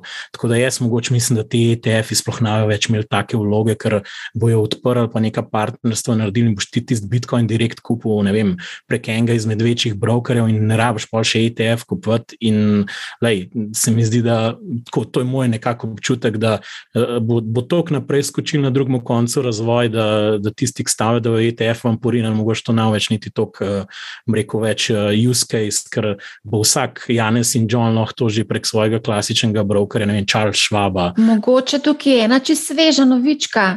Interactive Brokers je nedavno dodal možnost uh, tudi kupovanja kriptovalute, sicer je omejen izbor na Bitcoin, Ether, Litecoin, Bitcoin Cash. Ampak pri njih se v bistvu samo nekako pravi ta storitev, dejansko pa kupuješ preko podjetja Paxos. To je ta zadnja novica, ki je prišla. Matej, ti si želel še nekaj dodati? Ja, za te ETF je dosti razumljivo, zakaj jih želijo. Ne? Zato, ker eni vlagatelji se ta trenutek še kripta sploh ne smejo dotikati. Pač Tista naložba, ki jo pa lahko dotaknejo, so pa ETF-ji. V Kanadi že imaš ETF-e na kripto, v Ameriki, kjer pa je ogromno institucionalnih vlagateljev lahko izpostavljeno samo v tej zgodbi, pač se pa čaka. Ne? In zato pač so velika pričakovanja in velike oči. In enkrat, ko se to lahko zgodi, se zna kaj premakniti, zato ker se zna spet nov val svežega denarja premakniti v ta sektor. Bomo pa videli. Danes pa je v bistvu teh strukturnih produktov, je pa, kot je Andraš rekel, vsak teden jih je več. Tako da res v bistvu se širi ta spektr naložb, tudi za te tovrstne vlagatelje. Ampak večinoma ljudi pa čakajo, da imamo imeti tako, kot smo imeli vem, ETF na zlato in v bistvu ta vpliv, ki ga je imel ETF na industrijo zlata. Ne, se pravi, koliko močno povpraševanje je bilo, koliko zaloge je pokupil in podobno. Ne. To so bili neke stvari, ki se rado omenja, ne. bomo pa seveda videli. Ne. Um, druga stvar pa je tudi ta, da pač institucionalnih vlagateljev je več vrst. Zdaj, Andraš je govoril predvsem strani teh hedge skladov ali pa skladov tveganega kapitala, ki imajo te naložbene razrede v bistvu dosti, rečemo, odprte. Ne?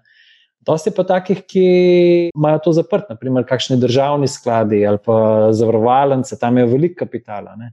Tam bomo še čakali, dokler ne bo regulativa dosti jasna, da bodo lahko začeli tudi v to. Ne. In taki bodo raje šli v head sklad investirati, ko bo šel v te zgodbe. Ne mogoče samo to, če skočim noter. Ne. Če zdaj ameriški trg kapitala pogledamo, ne, to ima toliko lejerjev in praviloma se komitajo vse te večje pokojninske družbe, zmer nekega specialista vzamejo, in, ki je za neko področje vodilen, zagotavlja pravno varnost. Klej je ogromno vprašanja v bistvu samega skrbništva teh valut, kako je to varno, kako to zgleda. Mislim, to, to, to je neskončno debato, imamo lahko okrog te teme.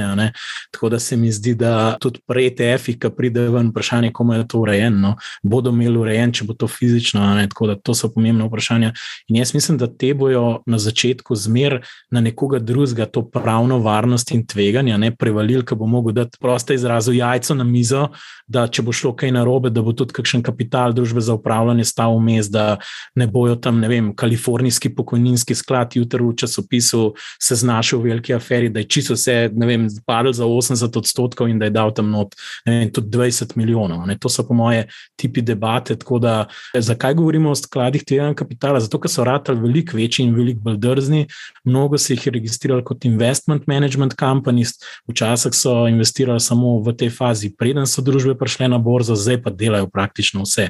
In jaz mislim, da bodo te ljudje na koncu tudi za vse te upravljali razne storitve in da zaradi tega tudi gradijo to avtocesto. To je moje mnenje. Zdaj, kakšno nihanje bo pomes, pa koliko časa. Ja, drži, pa tudi, v bistvu, jaz sem jih danes sem poslušal zadnjo od, od ARK Investment, so imeli v bistvu pri Banklesu intervju. Pa je rekla ta Katie Wood, v bistvu, ko so oni začeli, so lahko investirali samo en procent. Pole pa je ekosistem tako narastel, da je prišlo do 10% do njihovega maksimuma. Ne. Kar sem se spomnil na Marja, ki si ti zapisala enkrat, da uh, si šla malo eksperimentirati v kripto, zdaj si pa že kaj, na tretjini portfelja. Pač Ja, seveda, v bistvu, mislim, to, to je tako ja, zraslo. To se ti lahko začne dogajati. Ne? In ta logika, v bistvu, da boš kot rečemo institucionalen vlagatelj investiral zelo majhen košček portfelja, naprej rečemo 0,1% ali pa 1%, pa rekel, ok, se je v bistvu tveganje na določeno število let sprejemljivo boš kar naenkrat lahko v bistvu izpostavil nekemu naložbenemu razredu, ki boš v bistvu preskočil benchmark konkretno. Ne. Tako da v bistvu to bo še bolj zanimivo opazovati, v bistvu to logiko, pa, kako se bodo. Ne. In tudi jaz mislim, da te upravljalci, ja, vsak let so mogoče malo bolj odprti. Na začetku so bili zelo skeptični. Ampak z razvojem, pa z bolj, rečemo, pravno varnostjo, v bistvu ja, bomo videli. Ne. Mogoče samo še, še en podatek, pa preden zaključimo, sem zelo hiter. Če pogledamo Coinbase in zadnji SEC filing, večino FIO prihaja še zmeraj od retail vlagateljev, čeprav oni trdijo, da imajo top 20 US hedge fundov že onboardenih. Tako da to bo zanimivo videti. Ne? Trenutno je kripto še zmeraj zelo driven strani retaila, ta institucional money je še zmeraj relativno skeptičen in omejen na specialiste. A gremo naprej na vprašanja naših gledalcev. In sicer to je zdaj taka klasika vprašanja, kje mislite, da bo Bitcoin ob koncu leta. Naš gledalec napoveduje, da se bo pospel do 200 tisoč dolarjev, ostali člani našega komunitija na Discordu se s tem ne strinjajo, pravijo, da bo šel sam do 100 jurjev. Pa hkrati me zanima, kaj si mislite o teh stock-to-flow modelih, pa o Bitcoin Rainbow modelih, ki v bistvu v vsakem trenutku ti napovejo, kje bo Bitcoin. Primož, da ti povej. Ja, jaz, mislim, da takih vprašanj se izogibam, ker pač v kriptu med horizont parih mesecev, to je, to je v bistvu par, mislim, brez veze. Pač, ne vem, fund, fundamentalno lahko zgleda vse ok, ampak tako, kot sem rekel, pač, če bo ena korekcija na tradicionalnih marketih slučajen decembra in že zelo dolgo ni bilo in čisto možno, da bo, takrat bo tudi kripto padel. In ne vem, tudi če novembra pride Bitcoin do 100 tisoč, je lahko decembra že nižji, kot smo zdaj. Recimo. Mislim, to ne bi bilo nič neobičajnega. Tako da, mislim, noben ti ne bo dal odgovora na tako vprašanje. Pač ti v kriptovalute investiraš dolgoročno, tako da kje bo nekaj v parih mesecih, v enem letu, ne vem. Sem iskreno ne vem. Pač jaz, jaz sem buliš na industrijo in pač, če si buliš na industrijo, si pač lonka. Ne? In moš iti skozi razne cikle. Tudi, Tukaj so cikli, se ti dogaja na vsake toliko let in to je bilo odnegde. Recimo, ko govoriš, da je treba iti v kripto dolgoročno, kaj, koliko je to dolgoročno? Ja, horizont. Horizont, ja. Forever. Forever.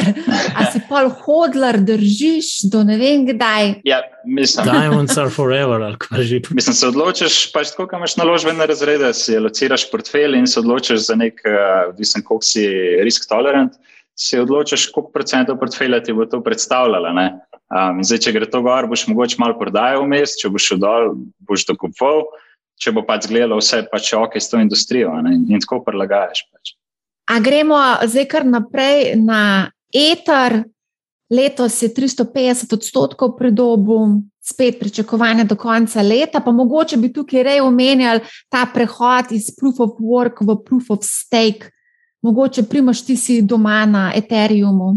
Ta prehod se v bistvu že dolgo leta omenja ne? in, in zares gre zelo počasi, in veliko je bilo že skeptikov, in še vedno so skeptiki.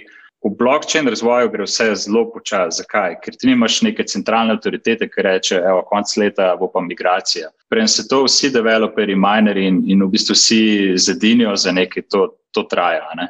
Ampak Ethereum je v bistvu uspel narediti dva do tri preskoke ta let. Prvi je to, da so v bistvu phase zero, se rekel, te uh, migracije iz proof of work na proof of stake. Prej sem govoril, kaj je proof of stake, tako da ne bom še enkrat to obdelal. Ampak ena faza je šla že skozi zelo uspešna, kar je ta beacon chain, kar pomeni, da ti lahko že Ethereum 2.0 na nek način monetiziraš, v smislu, da lahko v ta nov upgrade lahko Ethereum že pošleš, lokaš v smart contract in dobivaš 5-odstoten donos ne, iz teh rewardov, proof of stake, ki pride kasneje sicer. Ne. Proof of stake mislim, da pride z fazo, ki se reče merch, ki se planira konc leta. Tisti pa fundamentalno spremeni celotno sliko na Ethereumu, ker pomeni več transakcij naenkrat možnih, ne bo pač več proof of work, to se pravi uh, okoljsko prijazno, in še kup drugih potem pride upgrade od shardinga, kar pomeni na kratko pač throughput, to se pravi, koliko transakcij se bo naredil, lahko v sekundi se bo povečal na, na tisoče. Ne? In to je nekaj, kar je zdaj, recimo, zakaj to leto pač Ethereum malo bolj nahajpan, ker ima pred sabo precej enih upgradeov zanimivih, ki so realno možni, pa ki bo res izboljšal celotno sliko. Po drugi strani pa to tudi en kupenih tveganj, kaj, kaj pa če gre kaj narobe, kar, kar ni nič neobičajnega. In a bi rekel, da se splača investirati v eter zdaj? Mislim, jaz za eter sem vedno pač, uh, ja, mislim, to je težko. No, pač, odvisno, jaz tako rečem, pač, če, če nimaš še portfelja zgrajenega, eter definitivno zgleda en najbolj zdravih in uporabljenih protokolov. In zato sem pač etru dan večjo tež. In ja, z tega vidika pač ja. Zdaj, glede cene, tega ne bi komentiral, kaj je brez veze, kot sem rekel. Glede fundamentov, pa lahko sam rečem, da na Ethereum networku se na dan 50 milijonov FIO plača. To pomeni, da dejansko so uporabniki, ki so pripravljeni plačati, da delajo neko interakcijo. In, in to je tisto, kar je v bistvu pomembno za smart contract platforme. Za Bitcoin se pobere ne pol milijona na dan iz FIO, ampak tam mogoče ni to tako relevantno, ker Bitcoin ima čist drugo, čist drugo idejo. Ni poante, da z Bitcoinom transaktiraš. Bitcoin zdaj pač pogledate, da je podoben zdaj alternativa zlatu, ne, in mogoče te fije ne gledaš toliko. Ampak, ko primerjaš Ethereum z vsemi temi Ethereum killerji, Cardano, Solana, ne vem, Polkado, cel kup jih je, polovica sploh še ni v fazi neke eksekucije, nimajo uporabnikov. Tisti, ki imajo uporabnike, so zares produkti, ki so samo kopija Ethereumovih produktov, ki so uspeli. Noben v bistvu ni naredil nekega preboja, v smislu nekih novitet. Ne. Tehnološko so marsikaj od teh drugih valut tudi zelo zanimive, ampak jaz vedno rečem, da v bistvu kripto ni, a ne vsi mislijo blockchain, to je pa to, ne, kar je v bistvu naredil tukaj preboj. Zares gre br za, za neko platformo, jaz gledam čist uh, socialno, digitalno. Pač jaz, ki sem v tem terminu ekosistemu, vidim ljudi, ki praktično živijo na ta način. Oni so cel dan preklopljeni na kripto Twitter in delajo neke interakcije na blockchainu. Kupujejo NFT, NFT uporab si sposod dolar, um, naredi nekaj z dolarjem, igrice igrajo, to verjetno pa šlo v igrice prej ali slej. In to je srečen, zakaj je Ethereum tako pomemben, mislim, tako v spredju, ker ima ta ekosistem tako močen. Ker na koncu network efekti je tisto, kar daje vrednost platformam in nič druga. In ti si lahko še to tako tehnološko advanced, če ti nimaš uporabnikov in developerjev najboljših, boš pač izvisel. No? Ampak ja, jaz naprej povem, pač, jaz sem tukaj zelo pristranski, ker pač ne vem, delamo za Ethereum platforme. Matej, boš ti mogoče kaj več povedal o Kardanu, Solani, vojni z Ethereumom? Pa niti ne, v bistvu, kot primaš prav. Pač treba je gledati, kje je veliko developerjev, kje je veliko uporabnikov. V bistvu, mogoče se ne strinjam samo to, da gledaš, koliko je fijev pobranih, ne? ker v bistvu ene platforme bodo imele stroške zelo nizko, ne? pa bodo imele lahko veliko transakcij, ne? pa bo ta metrika v bistvu ne bo pač primerljiva. Ne? Dejstvo je, da smo šele na začetku. Zdaj, vsak nov deležnik, ki prihaja v ekosistem, rečemo, da bo, ne vem, včeraj smo dobro videli, v bistvu Walmart objavil v bistvu Litecoin, čeprav je bil fake news, ne, ampak vsaka taka informacija, ko bo neka velik uh, ekosistem začel uporabljati pač izbran uh, protokola, ne, bo to določena validacija tega protokola. Ne. Po vsej verjetnosti v bistvu tukaj ne bo dominacija enega protokola, ampak se bomo zbudili v svet mnogih protokolov In iz tega v bistvu je meni zelo všeč, da je pač ta povezljivost in interoperabilnosti. Tako da ja, vsak bo najdel nek svoj segment, kaj točno želi gledati, pa tudi mogoče v bistvu neko zgodbo. Ne. Za Ethereum so že dolgo časa. Par let ali dve leti nazaj je bila konferenca, pa je rekel, en, uh, ne Vitalik, ampak mislim, da je bil Joseph, je rekel, mi bomo imeli komunity milijon developerjev. Ne. To je tako zelo močen, pa zelo dober statement. Ne. In če bodo to naredili, v bistvu, pa če bodo dosegli tako število developerjev, pa v bistvu je lahko bolj določena gravitacija. Ne? Ker moramo se spomniti, kako je bilo v drugih industrijah, naprimer, ko so bile različne videokasete. Pa je tudi VHS produbu na teže. Ne? Ali pa naprimer te konektorje ali pa polnilci za telefone. Ne? enkrat vsak telefon je imel drugačnega, ne? zdaj smo že pred standardizacijo en, enega protokola, rečemo, ali pa enega polnilca. Tako da v tem kontekstu mislim, da kar se cene tiče, tako kot primaš prav. Če verjameš, da bo ta ekosistem rasel, pa vse kaže na to, da bo rasel, zato ker vidimo, da se denar zliva, da gre človeški kapital v to polje, pričakovati više cene. Ker je veliko oscilacije, se ne gre čuditi, tudi če bo Bitcoin čez 100 tisoč konc leta, ali pa, kot je Primoš rekel, pod 50 tisoč, kot je v bistvu ta trenutek v, bistvu v bližini. Ne? Tako da v bistvu te oscilacije so lahko samo kratkoročne narave. Ne? Vidim, da, vidim Matej, da imaš ti semi variante bolj na vzgor obrnjen. No. Da se malo pokazal. Ker me je tudi ne presenečalo, če bi bil med 10 in 20 tisoč, recimo, uh, čistko, ja. glede na drawdowne, ki smo jih videli. To, evo, lahko sem jaz malo devil's advocate. Definitivno. Ne. Samo v bistvu trg je tako občutljiv, da lahko ena informacija močno, ko reko, vse ta, pač, rečemo, kratkoročno obdobje. Ne. Se pravi, lahko pride sec, lahko teter se zgodi. Ne? Se pravi, da lahko v bistvu teter napadajo pa v banke in prepovejo v bistvu držanje kolateralov in podobno. Ne? Tako da v bistvu tukaj se lahko zgodi marsikaj.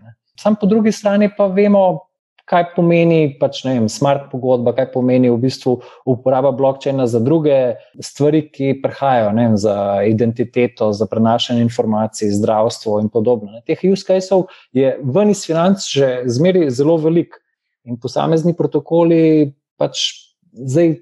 Ko rekel, raziskujejo, pa delajo v bistvu podlago za vse to. Ne. In enkrat, ko bo se to nekako skupaj da z umetno inteligenco, z IoT-jem, se pravi internet stvari, to v bistvu je težko reči. To ne bodo, ko rekel, ne bodo to samo za 10 ali pa 20 odstotkov premiki. To bo čist nov svet. To je tako, da bi rekel, zdaj sem vem, en level, pa bo pa stoti level. Ne. To ne bo vmes. To bodo taki močni premiki in močne v bistvu uh, amplitude. Ne. Se, jaz, jaz se veselim, zato ker v bistvu to je dosta unikatna stvar. Ne. Mislim, da v preteklosti nismo bili tako izpostavljeni tokimi novitetami. In mogoče še ena misel, v bistvu vsa ta inovacija, ki je bila v preteklih letih, se pravi od dot-koma, zloma, vse te inovacije se zdaj pač počasi prihajajo do izraza. Ne? In rezultati bodo bistveno hitreje splavali na površje. To je tvoj pogled na nekakšen srednji rok razvoj kriptopanoge? Ja, jaz mislim, da v bistvu srednji dolgoročni razvoj je, da v bistvu, če gledam danes, pa uporabo tega, verjamem, da bo jutri, oziroma pojutrišnjem ali pa na srednji rok več tega. In iz tega je smiselno, se pravi, gledano po makrotrendih, v bistvu se je smiselno pozicionirati v tak, tak položaj. Ne. Se pravi, kontrapoložaj bi bil vem, fiksna telefonska linija. Ne. Primoš, kaj pa ti misliš, da se bo dogajalo na srednji in dolgi rok? Kam gremo? Ja, mislim, mislim, da je industrija rasla, ampak imam en tak mal, mal alternativen pogled, kako bo rasla, ker je mogoče malo težko razumeti, pa si tudi sam poskušam razložiti. Dolga leta je bilo, so govorili blockchain, not kripto, kako je blockchain tehnologija zanimiva in aplikativna v raznih use cases, pa kaj, tri, štiri leta potem, a še več, v bistvu ne vidiš blockchaina, ki je velik v moja stara mama, teta, noben ne uporablja, zaradi tega razen pač to špekuliranje kaj na borzih. To, to je z povprečnim uporabnikom, ki se pogovarjaš, pač kuč, kup kriptovalute, ampak to ni tisto fundamentalen popraševanje, ki ti dvigne industrijo. Kje se pa dogaja tisto, ki, ki je pa zdravo, pa vidiš, da je rast, pa dejansko uporaba, je pa čist druge. Je pa v bistvu, kaj se dogaja. Ne? Ta digitalizacija ljudi, Tako kot sem prej rekel, recimo v Ethereum ekosistemu je tako močen, da ti v bistvu lahko cel dan zabijaš, pa se zdi, kot da neko igrico igraš, ampak jo ne igraš. V bistvu je tako, kot ena zmes igrice pa Facebooka, rečemo, nekakšne socialne interakcije, pa zraven je še denar upleten. To pa raste, ta industrija, digitalna, rečemo skoraj neki geekov, ki dan zabijajo za računalnikom in se imajo fajn. In, in je neka dinamika in se denar zapravlja in lahko rečeš, da del BDP, kako koli. In to je malo zanimivo. In zanj, če bo en zanimiv primer, ki so enega 12-letnega mulca vprašali, ki mislim, da je kupil neke NFT-je in, in zaslužil 100 tisoč evrov, a dolarjev. A sem rekel, kaj boš pa zdaj, zdaj imaš pa ti 100 tisoč, kako boš pa vnovčil, se še nimaš niti bančnega računa. Pa rekel ta fant, jaz vse ga ne rabim, vse kaj, kaj si pa jaz bom kupil v realnem svetu za enkrat. Ne, ne mu je v redu, če ostane znotraj tega ekosistema in tam zapravlja in gradi svoj profil, uh, uh, reputation. Jaz osebno se tega ne znam čisto razložiti, ampak vidim pa mladino, da drugače funkcionira.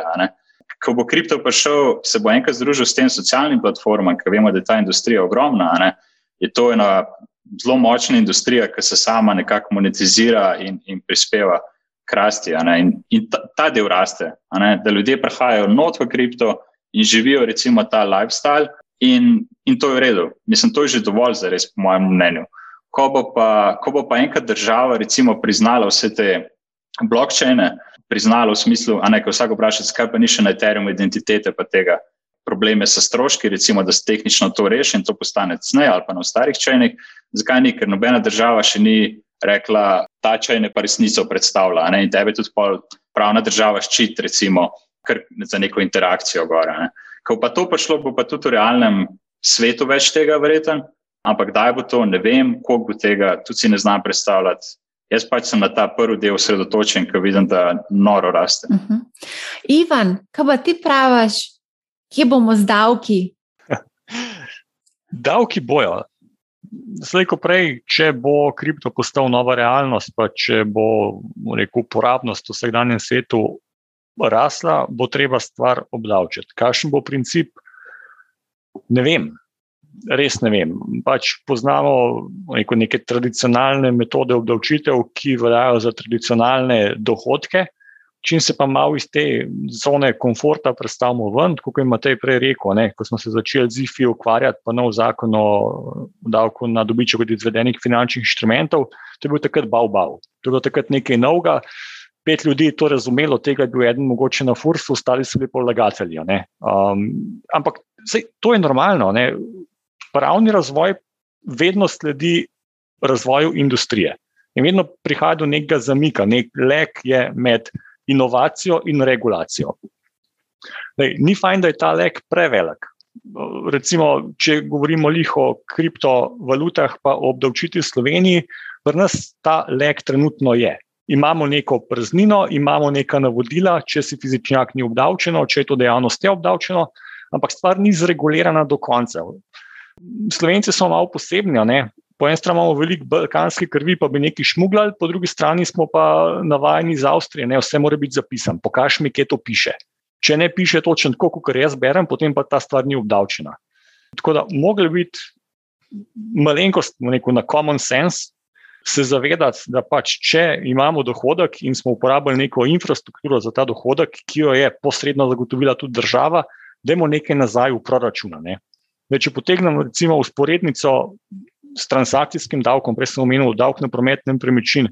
Če ti plačaš dvoprocentni davek na promet nepremičnin, pa veš, da gre ta davčni prihodek v proračun in da se iz tega posredno financira zemljiška knjiga, ne, ki je neka temeljna evidenca in boš tam noter ti upisan kot lasnik. Se pravi, boš dobil tudi neko protistoritev, neko varnost v, v, v zameno za ta davek, ki se ga plača na prenos nepremičnine, boš zadovoljen.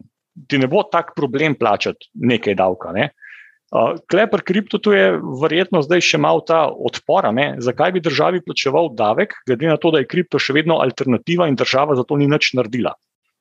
Ampak v končni fazi se moraš zavedati, tudi če ti zaslužiš stvar, nek izven Slovenije, dohodek iz tujine, ki se ga ustvaril s pomočjo infrastrukture neke druge države, bi mogel pač na tistem principu obdavčitve svetovnega dohodka davek od tega plačati v Sloveniji. Glede same obdavčitve rekel, kriptovalut v Sloveniji, jaz imam malo dvomov, no, da bo ta predlog za obdavčitev sprejet že letos. Težava pri obdavčitvah je predvsem v tem, da jih težko uvedeš na sredini leta. Ne. Praviloma se vse veže na koledarsko leto. Pred uvedbo zakona je fajn, če mine vsaj kakšen mesec, no, običajno je to zdaj sicer manj, ampak vsaj kakšen mesec ne mine, zaradi tega, da se ljudje spoznajo. S predpisi pa ne gre toliko samo za same vlagatelje, ne, kot fizične osebe, ki bi mogli zdaj oddajati davek, ampak tudi za providerje. Se pravi, da ti svoje sisteme, svoj compliance uh, posodobiš, prilagodiš na zakonodajo, pa da si pol takrat, ko začne določen režim odločitev veljati, že compliance, pravi, da že znaš delovati. Glede na to, da smo zdaj sredi septembra, da smo trenutno še v fazi predloga zakona, ko ga pravim, no, jaz imam malo dvome, da bo stvar že letos sprejeta, da bo začela z 2022 veljati, je pa zelo velika šansa, da bo v 2023 začela veljati. Okay. Andraš, mogoče še ti za, za konec na hitro, kaj pričakuješ od institucionalnih vlagateljev Mm, mislim, institucionalni vlagatelji imajo zmerno nek uh, končen horizont. To moramo vedeti, mogoče je to pomemben podatek, kar se tiče glede tistih, ki vstopajo danes noter. Uh, pričakovani donosi v skladih tega kapitala segajo tam nekje med 60 do 100 odstotkov, odvisno koliko zgodaj ste noter na leto, da ne pomota, ker so tveganja tako visoka. Pač visoka tveganja tukaj sprejemajo in visoke so stave. Jaz mislim, da je v tem trenutku cel kriptotrg izjemno ranljiv zaradi situacije, ki jih imamo na celotnih kapitalskih trgih. Predvsem sem rado malo bolj tak risk manager, tudi moja pozicija v Coinbase je malo bolj taktična, iskreno povedano. Um, tako da mislim, da prihajajo višji davki, da je to skoraj neizogibno. Pa ne govorim samo kripto, tako overall, ker vidimo, malo, kako so se države zadolževale. Vemo, da so centralne banke mogli malo makati nazaj, verjetno bomo imeli malo više obrestne mere. Jaz mislim, da ta svet, ki smo ga videli 13 let, naslednjih 13 let, ne bo čist tako veter v hrbet pihal.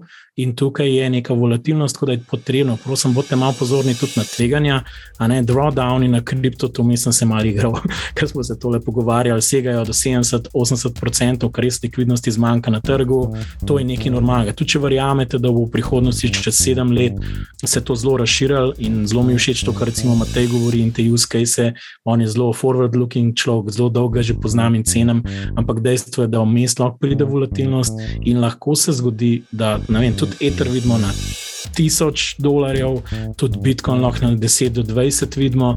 In pač mogoče je fajn, da ste malo glavno stavite in, in, in ni glih tako, da kupaš, pozabiš in greš, ampak lahko lah držiš, ampak moraš vedeti, kaj je tvoj razlog, da držiš in kaj. Pa disrupcija mogoče je ena beseda, dogaja se povsod. Ne? Ne vem, lahko rečemo, fintech izziva banke, kripto že mal fintech izziva, pa še znotraj kriptota v bistvu so izzivalci izzivalcev. Tako da ta, ta, ta stvar je zelo dinamična in mene nič ne presenetilo, če Bitcoin res bil tako bistveno bolj pomemben čez x časa v smislu tega dejanskih, uh, bom tako rekel, nekega, kako se bo dotikal ljudi no, uh, v prihodnosti. V preteklosti se jih je zelo skozi to, ta wealth effect skozi, ne, ne toliko skozi transakcijski, ampak uh, vse te stvari, ki se dogajajo, nove ideje, pospešitev, skaliranja, tukaj se zdaj pospešek dogaja, kar je neka dirka, ker včasih je to bolj native rastel od znotraj, zdaj pa rastel od zunaj in ga zalivajo s kapitalom. Tako da veliko stvari za menedžirati, ker je veliko stvari za menedžirati, se veliko za pogovoriti in je politika upletena. Jaz imam bolj izkušnje, ker pride dober predlog, se najde nekdo drug, pa z tega dobrega, malo slab, mal, mal, mal slabšega naredi, pa še une druge, malo bolj obdavč za kaj takega. Tako da mogoče so to moje malce cinične izkušnje iz preteklosti, ampak uh, tako bom, bomo praznovali, ko bo to sprejet, ko bo večja jasnost. Danes moramo pa predvsem biti zelo pozorni, kakšna je časovnica za ta take stvari, ker hitro se nahajpa novice, skrožijo danes, ker malo pozabimo, kaj se pol dogaja. Ne vem, čez en teden z vsemi temi stvarmi. Tako da mogoče je fajn tudi vsak teden kaj pogledati, kaj se je nek follow-up narediti, no, tako neko domačo nalogo, kar se tega tiče. Ne. Odlično, najlepša hvala. Evo, prišli smo do konca. Jej, Matej, Andraš, Primož, Ivan, hvala za odlično, odlično debato malce se je zavlekla, a mislim, da smo naredili pod črto en tak zelo lep pregled aktualnega dogajanja. Hvala tudi vsem gledalcem in poslušalcem, da ste nas spremljali. Če boste imeli kakršno koli vprašanje, mi pišite prek družbenih omrežij ali na marjaafnabusinesspace.com. Toliko z moje strani, poslušajte Manihau, ne bo vam žal in lep pozdrav!